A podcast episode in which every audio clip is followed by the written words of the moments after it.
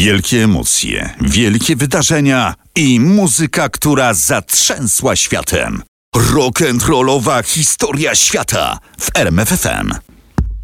Mikrofon gotowy, płyta przygotowana.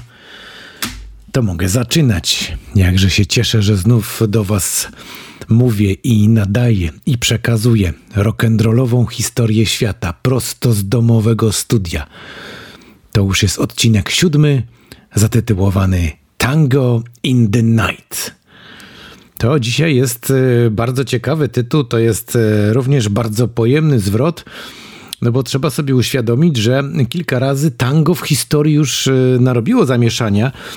Przypomnijmy sobie chociażby to tylko tango w wykonaniu zespołu Manam. Te słynne bębny, które tak pięknie hałasowały, które dawały wszystkim znać, że Manam istnieje i trwa, chociaż nie wolno było prezentować ich piosenek, czy też e, inne tango, takie tango Budki Suflera, bo przecież dzięki temu nagraniu ten zespół stał się jednym z najpopularniejszych w naszym kraju i miliony ludzi w Polsce nagle się przekonały, że do tanga trzeba dwojga. Ale było też słynne Libertango w wykonaniu Grace Jones, kapitalnie pasujące, mam nadzieję, że pamiętacie to, do filmu Frantic w reżyserii Romana Polańskiego. Ten klimat, który tam został stworzony właśnie dzięki temu nagraniu no to dzisiaj jest e, trudny do powtórzenia. Ale ja mam dzisiaj dla Was, zgodnie z tytułem tego podcastu, w rock'n'rollowej historii świata, Tango in the Night. To jest historia, z którą się wiąże również wątek szwajcarski dotyczący mojego życiorysu, ale na wstępie jeszcze muszę zrobić bardzo ważną uwagę. Otóż dziś nie będę wstawiał żadnych fragmentów muzycznych do tego podcastu, z tego względu, że jakość tej muzyki i to, w jaki sposób tutaj to puszczam, całkowicie zepsułoby efekt, jaki na tej płycie został przez zespół Fleetwood Mac, bo to już mogę zdradzić, osiągnięty. Ale zanim do tego dojdę będę Was zachęcał do przekonania się do tej muzyki, no to właśnie muszę zrobić ten istotny wstęp. Był rok 1987, właśnie kończyłem e, liceum w Krakowie, no i okazało się, że będę miał możliwość wyjazdu do Szwajcarii do moich przyjaciół. To w czasach e, wtedy trudnych i skomplikowanych mm, nie było wcale takie mm, oczywiste i proste, bo po pierwsze trzeba było się mm, postarać o paszport, co dla młodego człowieka wtedy e, było również pewnego rodzaju wyzwaniem, a dla ówczesnej władzy zagadką, czy aby przypadkiem ten młody człowiek nie chce wyjechać za granicę i tam zostać i potem tam robić różne głupstwa. I do tego trzeba było też się postarać o wizę. No więc wyglądało to tak, że e, skończyłem e, liceum, udało mi się dostać na studia na Uniwersytecie Jagiellońskim. W międzyczasie po długich staraniach, staniu w kolejce po nocy otrzymałem paszport i z tym paszportem musiałem pojechać do Warszawy, do ambasady Szwajcarii po to, żeby uzyskać wizę do Szwajcarii, bo inaczej by mnie tam do tego kraju nie wpuścili. No i tak sobie to sprytnie wymyśliłem, żeby pojechać do Warszawy e, we wtorek po tę wizę. E, a dlaczego we wtorek? No dlatego, że we wtorki w Warszawie odbywała się słynna giełda płytowa w klubie Hybrydy popołudniową porą. I to było tak zaplanowane, że rano jechałem do Warszawy, tam zostawiałem paszport w ambasadzie szwajcarskiej, czekając na decyzję, czy mi przyznają wizę, bo trzeba było mieć jeszcze zaproszenie od Szwajcarów, żeby oni wiedzieli, że tam nie jadę w próżni że będzie miał mnie kto żywić i utrzymać. Potem miałem kilka godzin na to, żeby się posnąć po sklepach płytowych po Warszawie, a kilka ich było, rozsianych też tak gdzieś no, w kilku różnych punktach miasta, nie było to wszystko w jednym miejscu. I właśnie potem e, po e, tej takiej rundce po Warszawie przyjeżdżałem z powrotem do ambasady po to, żeby odebrać e, paszport i po tym odbiorze paszportu prosto na giełdę płytową do Hybryd, bo tam po południową porą, chyba od 15 rozpoczynała się giełda płytowa gdzie też można było sporo płyt y, y, złapać, y, no bo to było inne środowisko. Tutaj od, jakby troszkę odnoszę się do mojego podcastu z poprzedniego tygodnia, kiedy mówiłem o giełdzie płytowej w Krakowie pod Przewiązką. No tam właśnie to wyglądało tak, że ci ludzie po prostu to byli ciągle te same osoby, więc trafienie na kogoś z nowymi płytami było często dość trudne. A tu jak się pojechało do Warszawy, no to się okazywało, że tam zupełnie inni ludzie, zupełnie inne płyty i całkiem ciekawe e, egzemplarze można było e, trafić. Już wtedy nie pamiętam, co tam udało mi się złowić, bo na pewno coś przecież musiałem kupić albo wymienić się po to, żeby ten wyjazd nie był tylko i wyłącznie po e, tę szwajcarską wizę. Mm, no ale ostatecznie wizę też dostałem, no i pojechałem do Szwajcarii. Czyli to jest lato 87 roku, 19-latek na zachodzie. Miałem tam świetny układ, bo znalazłem pracę w sklepie RTV mojego przyjaciela. W ciągu dnia naprawiałem telewizory, a po pracy e, po 17 od razu jechałem w miasto, by chłonąć ten zakazany wtedy dla nas świat, e, ten cały Niesamowity zachód, w którym wszystkiego było pełno, wszystko było dostępne, ludzie uśmiechnięci, kolorowi, eleganckie samochody, wielkie neony, no po prostu zupełnie inna rzeczywistość. No i oczywiście poszukiwałem też muzyki, poszukiwałem płyt, no bo wtedy już tam były nawet, e, co ciekawe, komisy z płytami kompaktowymi, e, gdzie ludzie przynosili płyty, które im się po prostu nie podobały i można było tam trafić czasem je za śmieszne pieniądze. Po prostu ktoś dostawał jakąś płytę kompaktową, uznawał, że to w ogóle nie jego muzyka, w ogóle mu się to nie podoba i wolał to oddać za nie wiem, 5 franków i mieć z tym święty spokój, niż trzymać tę płytę w domu. Tak to wtedy wyglądało. Ja takie mm, sklepy płytowe odkrywałem, a odkrywałem te sklepy mm, właściwie w bardzo mm, prosty sposób. Chodziłem po ulicach i patrzyłem, czy przypadkiem tutaj czegoś nie ma. Wprawdzie znałem już wtedy dość dobrze język niemiecki, ale też trafienie na do pytanie się, czy też znalezienie takich sklepów w Szwajcarii to też nie było takie proste, zwłaszcza w centrum Cyrichu, bo tam szukałem tych płyt. Ale też były w tym wielkim mieście mieście, jakim jest Zürich, sklepy bardzo eleganckie, płytowe, obszerne, podłogi wyłożone dywanami, no żeby się dobrze spacerowało.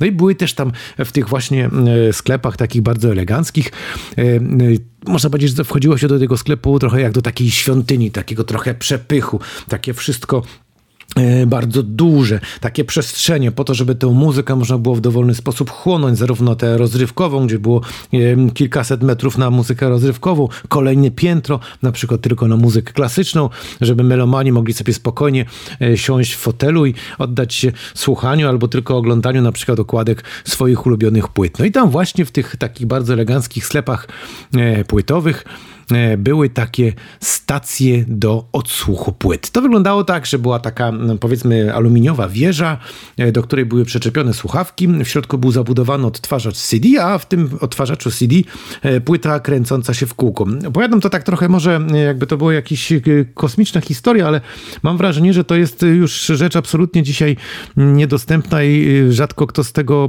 korzysta. Zresztą w ogóle sklepów płytowych jest w tej chwili mało, a wtedy tego typu propozycja dla mnie jako dla młodego człowieka, który przyjechał z Polski, żeby wejść sobie do takiego sklepu i korzystać z darmowej opcji słuchania płyt, no to przecież to była nieprawdopodobna historia. Dziś można by to było porównać do takiego, nie wiem, no takiej skromnej wersji YouTube'a, po prostu wchodzi się i coś tam się odpala, nawet nie trzeba było szukać, tylko wystawionych było tam kilka, czy nawet czasami kilkanaście różnych płyt.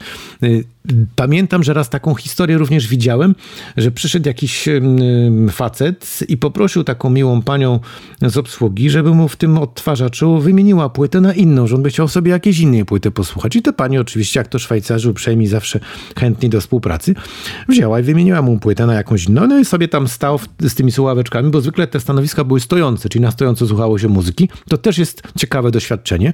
Proszę to kiedyś sobie wypróbować. Tak sobie stać, po prostu patrzeć się cały czas w kręcącą się płytę mm, i słuchać e, poszczególnych utworów. Tam był też taki guziczek, że można było przeskakiwać do następnego mm, utworu, jeśli akurat kogoś to bardzo nudziło. No więc tak sobie słuchałem tych płyt w tym eleganckim sklepie. Nikt mnie tam nie wyganiał, zresztą tam zawsze było pusto. No i właśnie pewnego dnia, kiedy tam przesłuchiwałem te płyty, trafiłem na album zatytułowany Tango in the Night właśnie zespołu Fleetwood Mac. Ta płyta okazała się w kwietniu 1987 roku, no i to już była właśnie ta era płyt kompaktowych, więc łatwiej można było zdobyć ten album na e, płycie kompaktowej niż na dużym, pięknie wyglądającym winylu. No ale akurat to, że to było na płycie kompaktowej, to była okoliczność wielce sprzyjająca odbiorowi dzieła, które stworzyli członkowie grupy Fleetwood Mac. Mogłem się o tym właśnie przekonać, jak wielką i imponującą pracę wykonali właśnie wszyscy członkowie grupy e, Fleetwood Mac oraz producent, jednocześnie jeden z ludzi z tego zespołu, czyli Lindsay Buckingham oraz e, Richard Dashut.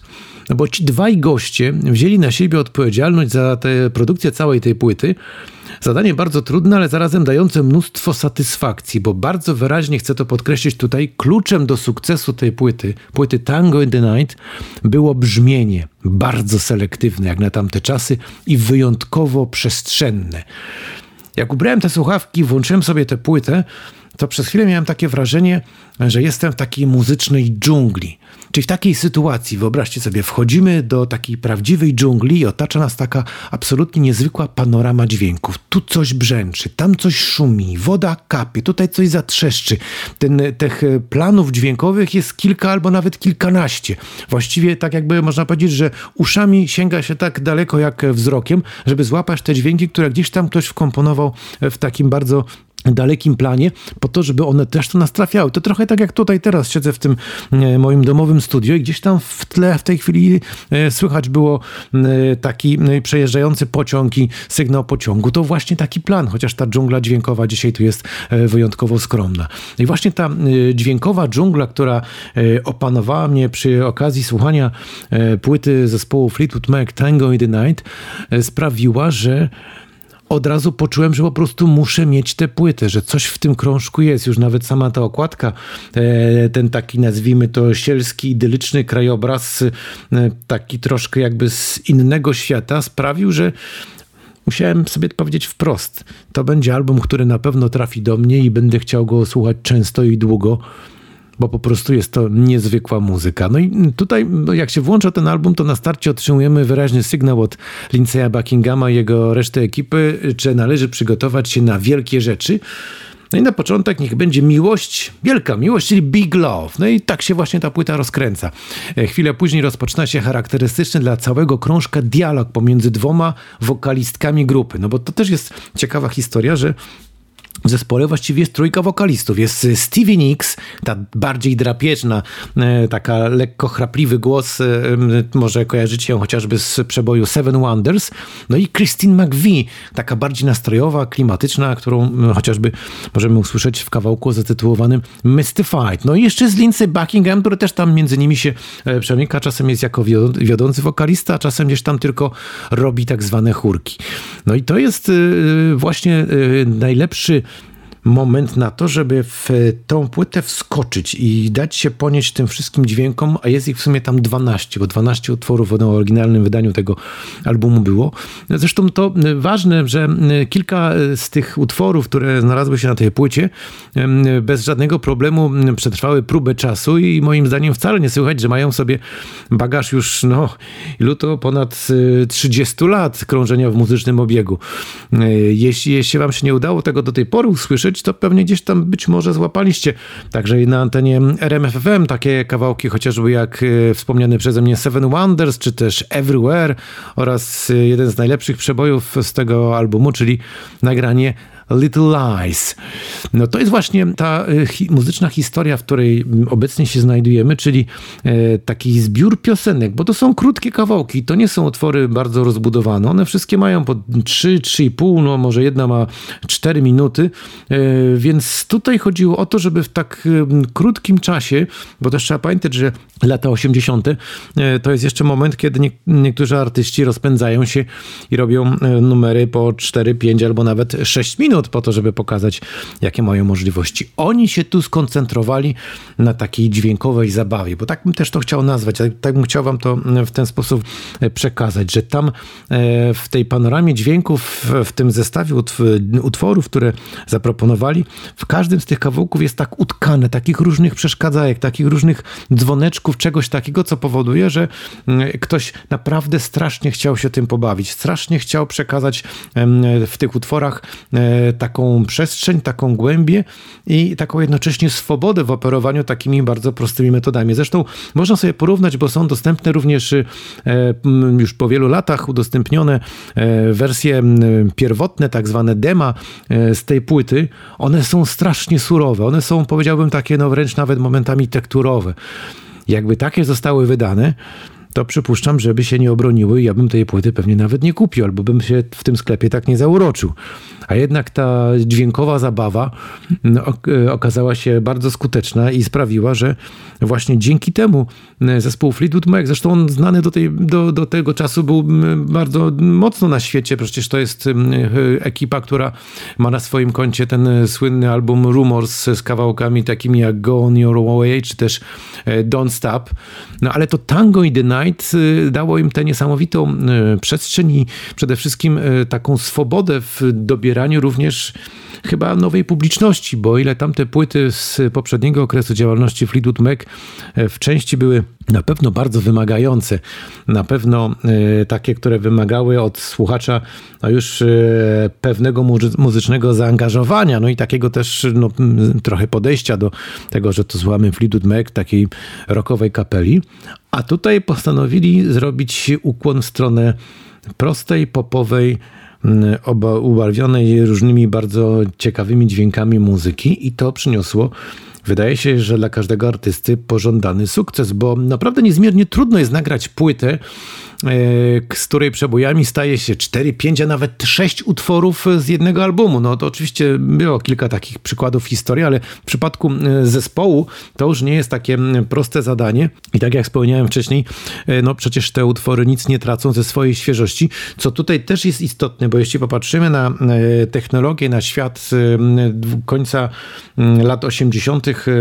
XX wieku, no to technologicznie jakie możliwości możliwości wtedy były i to, w jaki sposób można było realizować e, te wszystkie płyty, e, to w stosunku do tego, co mamy dziś, to przypuszczam, że ja mam e, lepsze, mimo skromnego wyposażenia, możliwości w moim komputerze niż oni wtedy mieli ale jednak im się to udało, czyli przede wszystkim trzeba było wtedy mieć wyobraźnię muzyczną, ale nie w postaci e, urządzeń i sprzętu, tylko mieć wyobraźnię muzyczną w głowie, czyli słyszeć to wcześniej, zanim się to pojawi na tej płycie. I to jest jedna z tych zalet i to jest chyba jedna z tych cech u artystów takich chociażby jak Fleetwood Mac, czy też w szczególności Lindsey Buckingham, bo to przecież on był mózgiem całej tej produkcji. Zresztą później już po e, zakończeniu rejestracji tej płyty, wydaniu tego krążka, e, on się roz rozstał z zespołem, rozpoczął karierę solową i kolejny solowy album, który wydał kilka lat później, mm, to właśnie była płyta mm, oparta o doświadczenia związane z mm, Tango in the Night.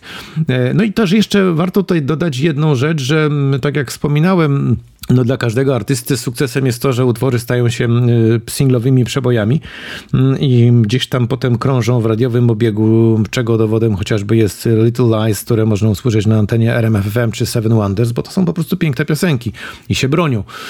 Ale jest również to, ile ludzi w sumie kupiło taki cały krążek i gdzieś go tam ma na swojej półce. Y, według tych danych, które gdzieś tam y, są dostępne, to y, sprzedaż tego krążka osiągnęła prawie 8 milionów sztuk na całym świecie. No oczywiście można to porównywać do innych artystów, że to mm, nie są jakieś liczby aż tak bardzo imponujące, bo są na pewno tacy, którzy sprzedają więcej ale też, no proszę sobie wyobrazić, to jest taka armia 8 milionów ludzi, no może trochę ich mniej, bo może są tacy jak ci Szwajcarzy, że posłuchali tej płyty i potem ją odnieśli do komisu i wstawili za 5 franków, żeby ktoś ją sobie kupił, mm, którzy mają taki krążek na półce i e, e, raz na jakiś czas po prostu sięgają sobie po taki album po to, żeby się dobrze poczuć, żeby sobie go odtworzyć i żeby sobie na przykład zobaczyć, ja sobie właśnie teraz otworzę tą okładkę, bo tutaj ona jak zawsze rozkładóweczka, wszystko tutaj jest, wszystkie teksty. To też jest taki moment, że jak człowiek sobie siada, odpala sobie taką płytę, mm, to jak popatrzy na te teksty, to tak jakoś od razu jest e, bliżej tej muzyki wie, po co to wszystko zostało zrobione i dlaczego też tak dużo emocji zostało włożonych właśnie w tę płytę, bo to chyba jest najważniejsze, żeby też poczuć te emocje i to dobre wrażenie, jakie e, każdy artysta powinien po sobie zostawić, e, zamykając pracę nad płytą i wypuszczając ją po prostu do ludzi. No i jak ja sobie tak pomyślałem teraz, ja bym sobie teraz tę płytę może włączył, czego wam również e, życzę i co wam również polecam, jak macie chwilę to poszukajcie sobie Tango in the Night, znajdźcie sobie odpowiedni moment i po prostu odpalcie tę muzykę, tak jak ja to teraz zrobię. Ciekawe, czy zagra. O, zaczyna się. Tak to właśnie pięknie brzmi.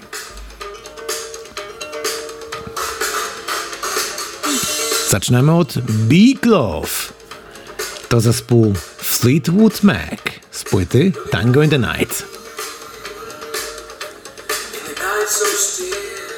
A rock'n'rollowa historia świata powróci do Was w kolejnym odcinku zatytułowanym Out of Time. Do usłyszenia.